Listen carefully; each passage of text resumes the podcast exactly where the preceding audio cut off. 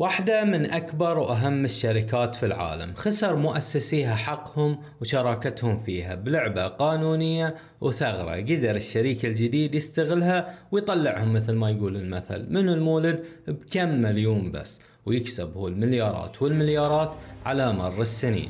هذه الشركة هي سلسلة مطاعم ماكدونالدز الشهيرة.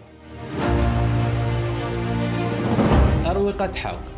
بودكاست قانوني. نتجول فيه بجوانب الحياة ونستعرض تأثير الثقافة القانونية على حياتنا بأسلوب خفيف وممتع ومفيد بكل تأكيد.